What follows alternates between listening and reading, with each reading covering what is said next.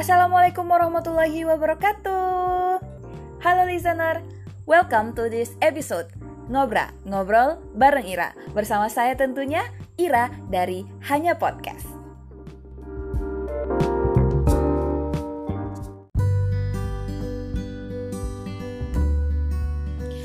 Oke, okay, listener, hari ini teman ngobrol saya adalah sosok perempuan yang luar biasa.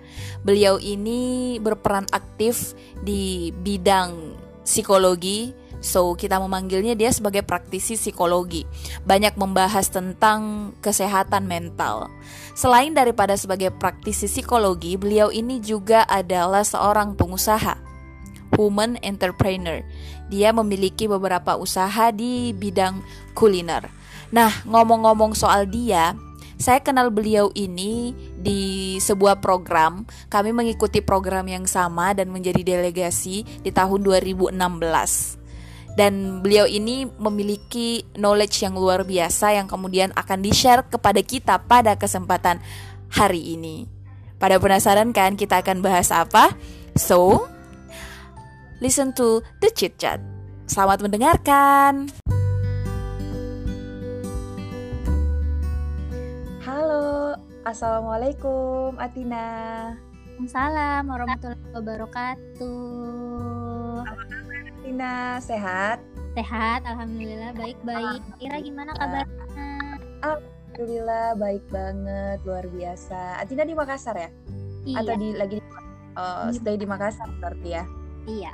Nah, nah jadi serial untuk segmen uh, ngobrol ngobrol bareng Ira itu kita saat mm -hmm. ini sedang bahas tentang peran perempuan di berbagai bidang. Nah, mm -hmm. untuk episode kali ini saya akan berdiskusi dengan seorang psikolog Azik. Psikolog belum, kita belum. ya. Psikolog. Ya, amin. Tapi ya praktisi di bidang itu insya Allah. Iya. Nah, hari ini kita mau ngobrol-ngobrol tentang kesehatan mental nih, Atina. Hmm. Mental health boleh, boleh. Nah, iya boleh ya.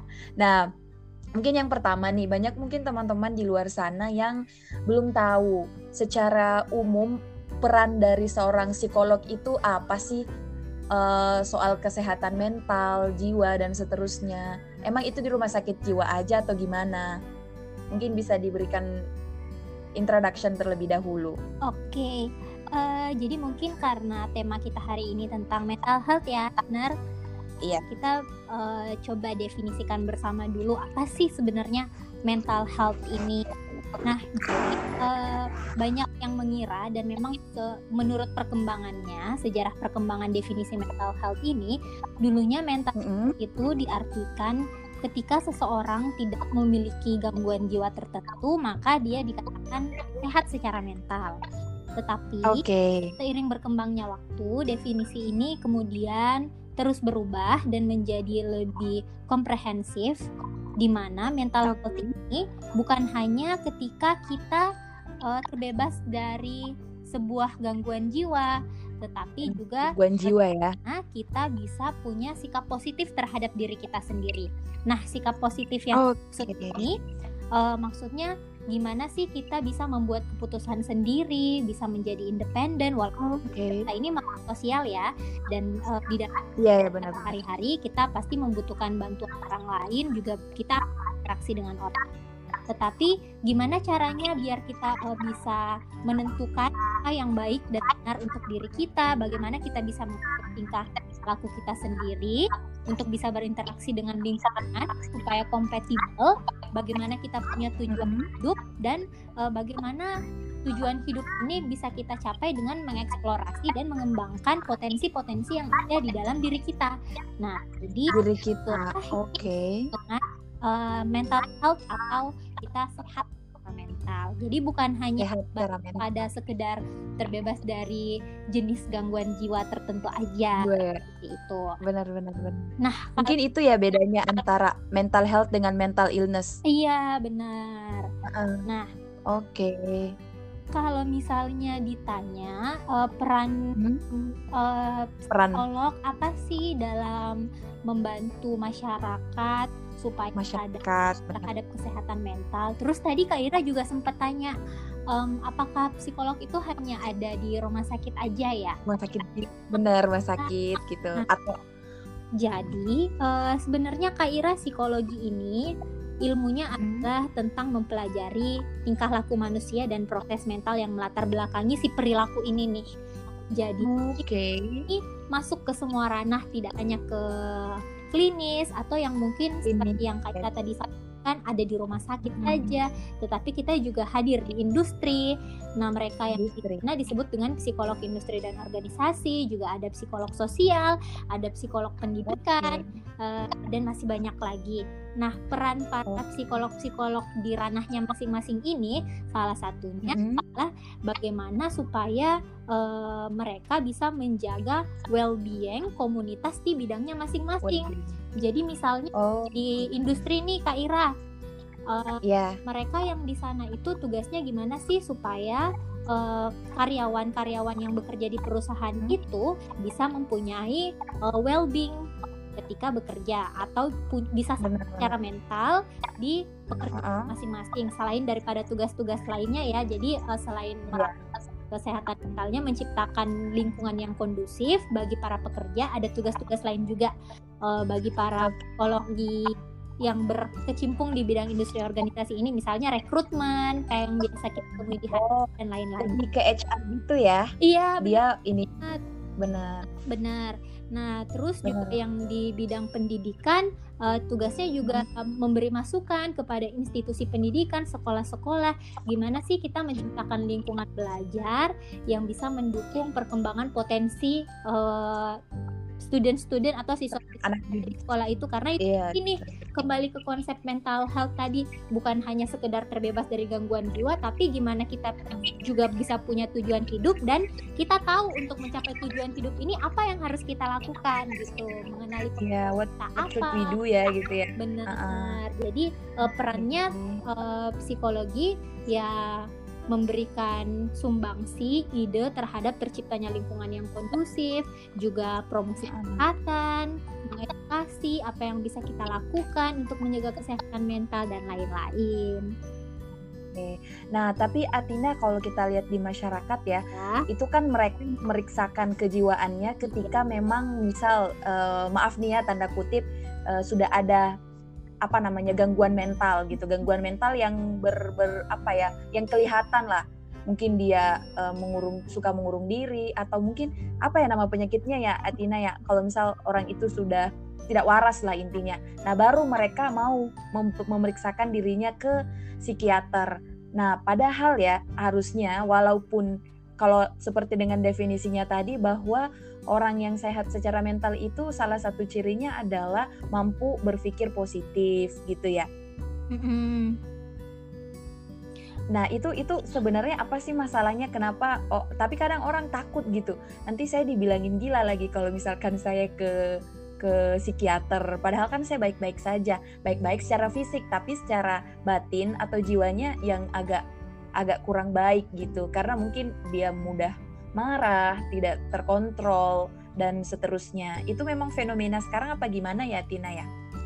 Oke. Uh, nah, jadi mungkin pertanyaannya kapan sih tepatnya kita memeriksakan ya, mem uh, kapan sih? membawa diri kita ke tenaga profesional kesehatan jiwa ya, seperti psikiater hmm, ataupun psikolog.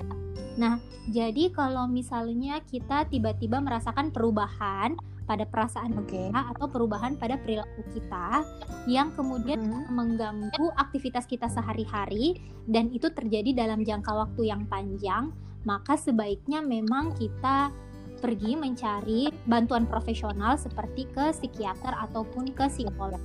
Karena uh, aktivitas kita sehari-hari kan sudah terganggu ya. Misalnya iya, ya yang tadinya bisa tidur jam 10 malam terus teratur bangun ya, pagi tiba-tiba uh, pola tidur saya berubah, berubah. Dan sebelum benar, benar. saya selalu merasa cemas, selalu uh, overthinking sehingga saya jadi sulit tidur. Akhirnya cuma tidur tiga jam sehari dan itu berlangsung sangat lama. Uh, bisanya sebulan, dua bulan Lalu dari waktu tidur yang menjadi sedikit itu kegiatan saya jadi terganggu, saya jadi sulit konsentrasi, jadi uh, tidak bisa bekerja dan lain-lain. Nah, artinya tanda-tanda seperti itu menunjukkan bahwa saya membutuhkan bantuan dari tenaga profesional kesehatan jiwa karena sudah mengganggu aktivitas saya. Tapi kalau oh. ada yang berubah di uh, perilaku juga perasaan kita dan kita rasa ini belum ini mengganggu kok saya masih bisa berfungsi seperti sebagaimana semestinya seperti keberfungsian saya sehari-hari di aktivitas saya nah mungkin uh, itu bisa kita atasi sendiri dulu ya dan oh, mencari okay. bantuan nah, profesional. gimana misalnya juga oh, boleh. Uh. kenapa kak? Uh, itu tipsnya gimana tuh? Misal kayak ada perubahan sedikit aja tapi mungkin masih bisa kita handle lah. Cuman agak mengganggu juga gitu kan. Ada ndak tips dan apa gitu trik untuk kita bisa kembali? Atau sebelum itu deh ciri-ciri orang sehat mental itu apa aja sih Atina? Uh, satu tadi kan berpikir positif. Hmm. selanjutnya ciri-cirinya ya yang pertama adalah kita mampu uh, membuat keputusan sendiri bagi diri kita. Kita tahu apa yang perlu kita lakukan untuk diri kita. Kita tahu okay. caranya berinteraksi dengan lingkungan supaya kita bisa uh, selaras ya dengan lingkungan sosial kita. Kita juga tahu kita ini uh, tujuannya apa sih? Setiap hari saya bangun tidur saya mau ngapain nih hari ini? Ada yang uh, ada yang kita memang niatkan untuk lakukan dan ada yang mau kita capai. Jadi kalau misalnya itu semua ada di diri kita ya artinya kita masih sehat secara mental. Nah, yang mau dicapai okay. ini juga harus sesuatu yang uh, sangat besar ya. Maksudnya misalnya yang orang mengartikan punya tujuan hidup itu harus sesuatu yang besar. Misalnya saya harus jadi presiden nih tujuan hidup saya. Yeah, yeah, yeah. Tapi juga punya tujuan hidup itu boleh yang sederhana-sederhana aja. Misalnya uh, saya nanti mau uh, kalau jangka pendeknya misalnya saya mau bisa uh, menguasai beberapa bahasa itu salah satu yeah. saya sehingga saya yeah. tetapkan planning oh yang harus saya lakukan nonton YouTube tanya ke teman, ngobrol sama native dan lain sebagainya. Itu juga sudah termasuk punya tujuan hidup dan tahu bagaimana cara mencapainya dan itu adalah ciri-ciri bahwa kita masih sehat secara mental karena kita tahu nih kita mau ngelakuin apa, kita punya sikap positif terhadap diri kita dan lain-lain. Oke.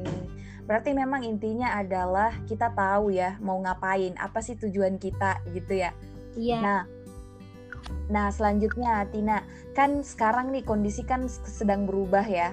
Mungkin uh, mostly teman-teman yang di luar sana yang mungkin kerja itu kembali ke rumah gitu, kerjanya di rumah.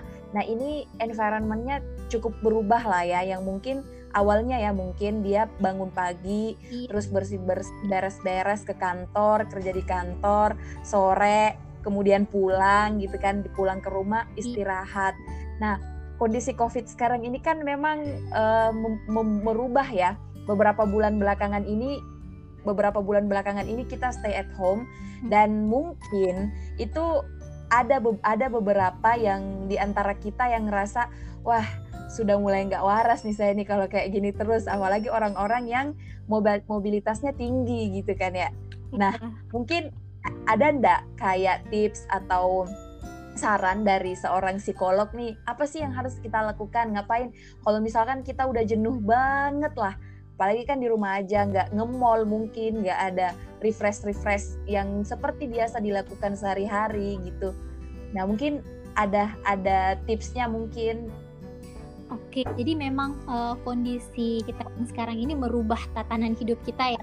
Merubah, bener, bener, berubah banget. Merubah schedule kita, dan mungkin tidak banyak dari kita juga yang uh, akhirnya jadi stres dan juga kepikiran. Betul betul. Bosan mungkin di rumah dengan aktivitas sehingga uh, cukup mengganggu perasaan dan pikiran. Nah kalau tips dari saya sih uh, yang pertama kita cukup uh, mengenali dulu nih dan menyadari bahwa memang kondisi seperti sekarang ini mengharuskan kita untuk berubah. Jadi kita harus menerima perubahan itu dulu.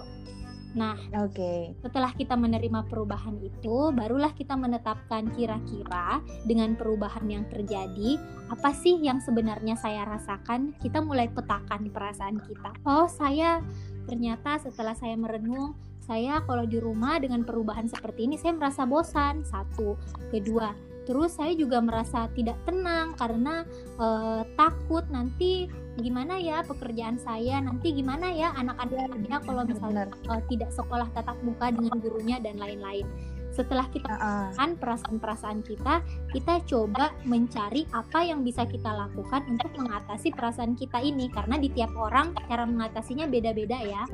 Uh, misalnya benar-benar tadi perasaan takut tadi. Takut nanti uh, anaknya nggak bisa mengikuti pelajaran sehingga jadi stres.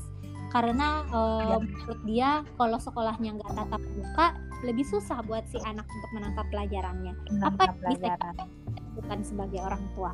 Nah yang bisa kita lakukan misalnya kita uh, boleh tanya ke anak kamu susah nggak sih ngikutin pelajaran kalau harus bertatap via daring dengan guru kamu terus kita boleh tanya apa yang kira-kira uh, mama bisa bantu supaya kamu bisa belajar dan mengikuti pelajaran kamu? Terus kita juga mungkin bisa tanya uh, kakak kalau dia seorang kakak ya uh, kakak yeah. sebenarnya belajarnya kalau selain uh, ketemu guru di Zoom atau di video call kakak maunya belajarnya gimana biar asyik?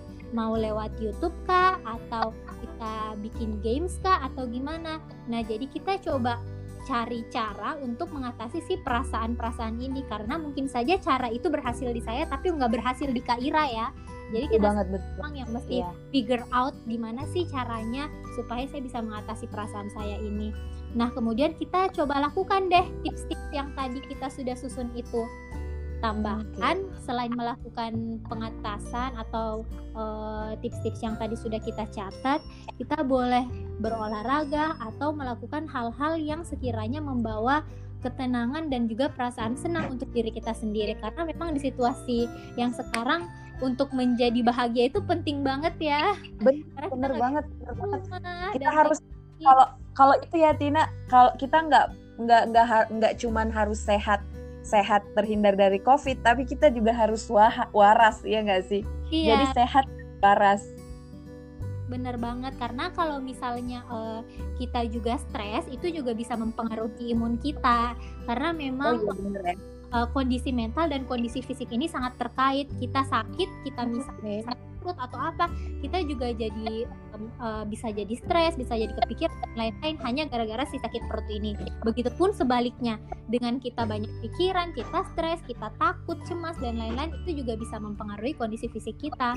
Pada beberapa orang mungkin uh, seperti misalnya saya, ketika saya cemas ketika saya banyak pikiran saya kadang uh, jadi sakit mah mual dan lain sebagainya. Atau misalnya kalau lagi uh, deg-degan lagi uh, mau misalnya presentasi di depan umum biasanya tangan keringatan uh, jantung berdegup uh, cepat.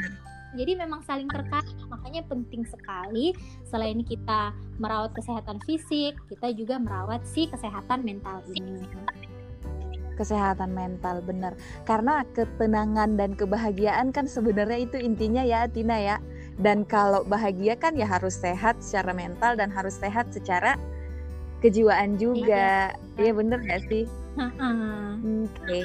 nah kalau kalau kan kondisi saat ini insya Allah nanti beberapa minggu ke depan mungkin akan new normal kembali ya. Nah, orang kan pasti secara psikologi akan apalagi orang-orang yang belum mengerti, belum mengerti maksudnya tuh uh, atau acuh lah ya. Banyak apalagi warga Makassar kan dilihat ya banyak yang acuh, beberapa ada yang acuh terhadap kesehatannya sampai tak menghiraukan yang namanya uh, protokol kesehatan. Nah, hmm. itu memang ada nggak sih di psikologi secara istilah atau apa gitu, Atina, yang kayak pada saat dia sudah terkurung di rumah terus keluar dia melampiaskan semuanya. Itu gimana sih tuh kayak orang-orang yang kayak gitu? Uh, melampiaskannya ini maksudnya kayak langsung kumpul-kumpul iya. rame-rame. Iya benar kayak karena udah kangen uh, sebenarnya sih karena mungkin ya uh, boleh dikoreksi hmm. nih kalau misalnya ada praktisi psikologi yang mendengarkan podcast ini juga kalau menurut saya kita kan memang uh, sehari-hari punya pola hidup yang sama ya misal ya kantor ketemu sama teman kantor pulang kantor hmm. saya out sama teman-teman kuliah saya sampai ke rumah saya dengan keluarga besar akhir pekan saya ada arisan keluarga nah tiba-tiba yeah. harus berubah nah bener, bener. mungkin sebagian dari kita belum bisa beradaptasi dengan perubahan ini sehingga okay. masih selalu berusaha mencari pola-pola hidup yang kemarin-kemarin ini. Jadi ketika ada kelonggaran, ada kesempatan, mereka mencoba untuk kembali ke pola hidupnya yang lama, ke kebiasaannya yang lama, untuk mengobati perasaan-perasaan yang biasa mereka dapatkan dari si kebiasaan ini. Karena mungkin dengan bertemu teman di kantor, dengan hangout hmm. dengan kerja, ada teman, sebenarnya mungkin eh, kegiatan-kegiatan itulah yang mendatangkan perasaan senang kebahagiaan. ya bagi benar-benar nah ketika kita di rumah mungkin kita nggak tahu mencari sumber kebahagiaannya ini gimana sih nah jadi ketika ada iya, iya, iya, kesempatan ya, ya, ya, akhirnya kesempatan itu dilakukan deh dengan misalnya yuk kita ketemu kita ngumpul dan terjadilah benar. abayan yang terhadap aturan-aturan protokol kesehatan Hmm, ya benar-benar menarik nih mungkin ini jadi yang terakhir juga sih Atina. Ya. Uh, tadi Atina bilang bahwa menerima perubahan. Nah, menurut Atina sendiri persepsinya nih uh, gimana sih caranya supaya kita mudah gitu, mudah untuk menerima perubahan. Ya bukan hanya COVID sebenarnya kalau kita bicara mengenai perubahan tatanan dunia ya. Sekarang orang sudah berangsur pindah ke digital gitu kan dan dan itu semua butuh transformasi. Nah, menurut Atina ini mungkin pertanyaan tambahan ya menurut Atina hmm. uh, gimana sih caranya kita secara pribadi ya kan untuk mudah menerima eh, perubahan-perubahan yang mungkin pasti akan ada di depan kita. Karena kan perubahan itu mutlak ya. Kita nggak bisa stagnan. Tentu kita harus berubah gitu. Uh, kalau menurut saya yang pertama kita kenali dulu jenis perubahannya ini apa sih? Karena seperti yang Kak Ira okay. tadi perubahan ini ada pada segala aspek kehidupan kita. Ada pada aspek teknologi pada aspek sosial dan lain-lain.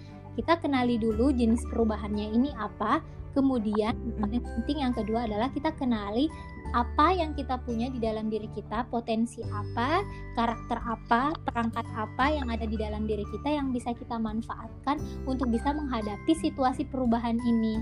Nah, dengan okay. itu kita tahu deh, oh saya bisa menggunakan potensi saya yang ini nih untuk bisa menghadapi ya. challenge ini sehingga Benar, itu bisa memudahkan kita untuk beradaptasi dengan situasi yang baru yang baru. Jadi begitu ya listener untuk iya. yang pertama tentu kenali dulu jenis perubahannya apa ya. Kemudian iya. yang kedua kenali potensi diri Anda gitu. Kira-kira matchnya di mana gitu ya Atina ya. Nah, mungkin terakhir Atina closing statement buat podcast kita pada sore hari ini uh, untuk seluruh perempuan di luar sana mungkin ada pesan dari Atina uh, gimana caranya agar kita tetap uh, selalu stay uh, healthy utamanya mental-mental kita apalagi para perempuan ya mungkin yang lebih mudah mostly ya beberapa pergerakan emosinya lebih cepat gitu loh. uh, uh, pesan saya perempuan-perempuan di luar jangan lupa melakukan hal-hal yang kalian senangi. Jangan lupa untuk selalu percaya bahwa kalian punya potensi luar biasa yang bisa kalian kembangkan untuk mencapai cita-cita kalian. Jadi, stay healthy everyone dan tetap sehat. Luar biasa. Di kondisi kita yang saat ini. Baik, luar biasa sekali Atina. Terima kasih banget atas waktunya di kesibukannya loh. Ini pasti baik, luar biasa sekali Atina. Terima kasih banget atas waktunya di kesibukannya loh. Ini pasti sibuk banget nih. Luar biasa. Usahanya juga jalan ya, Atina. Iya luar biasa. Semoga sukses selalu, dilancarkan segala urusannya. Terima kasih banyak loh Atina. Sampai bertemu lagi Atina. Thank you.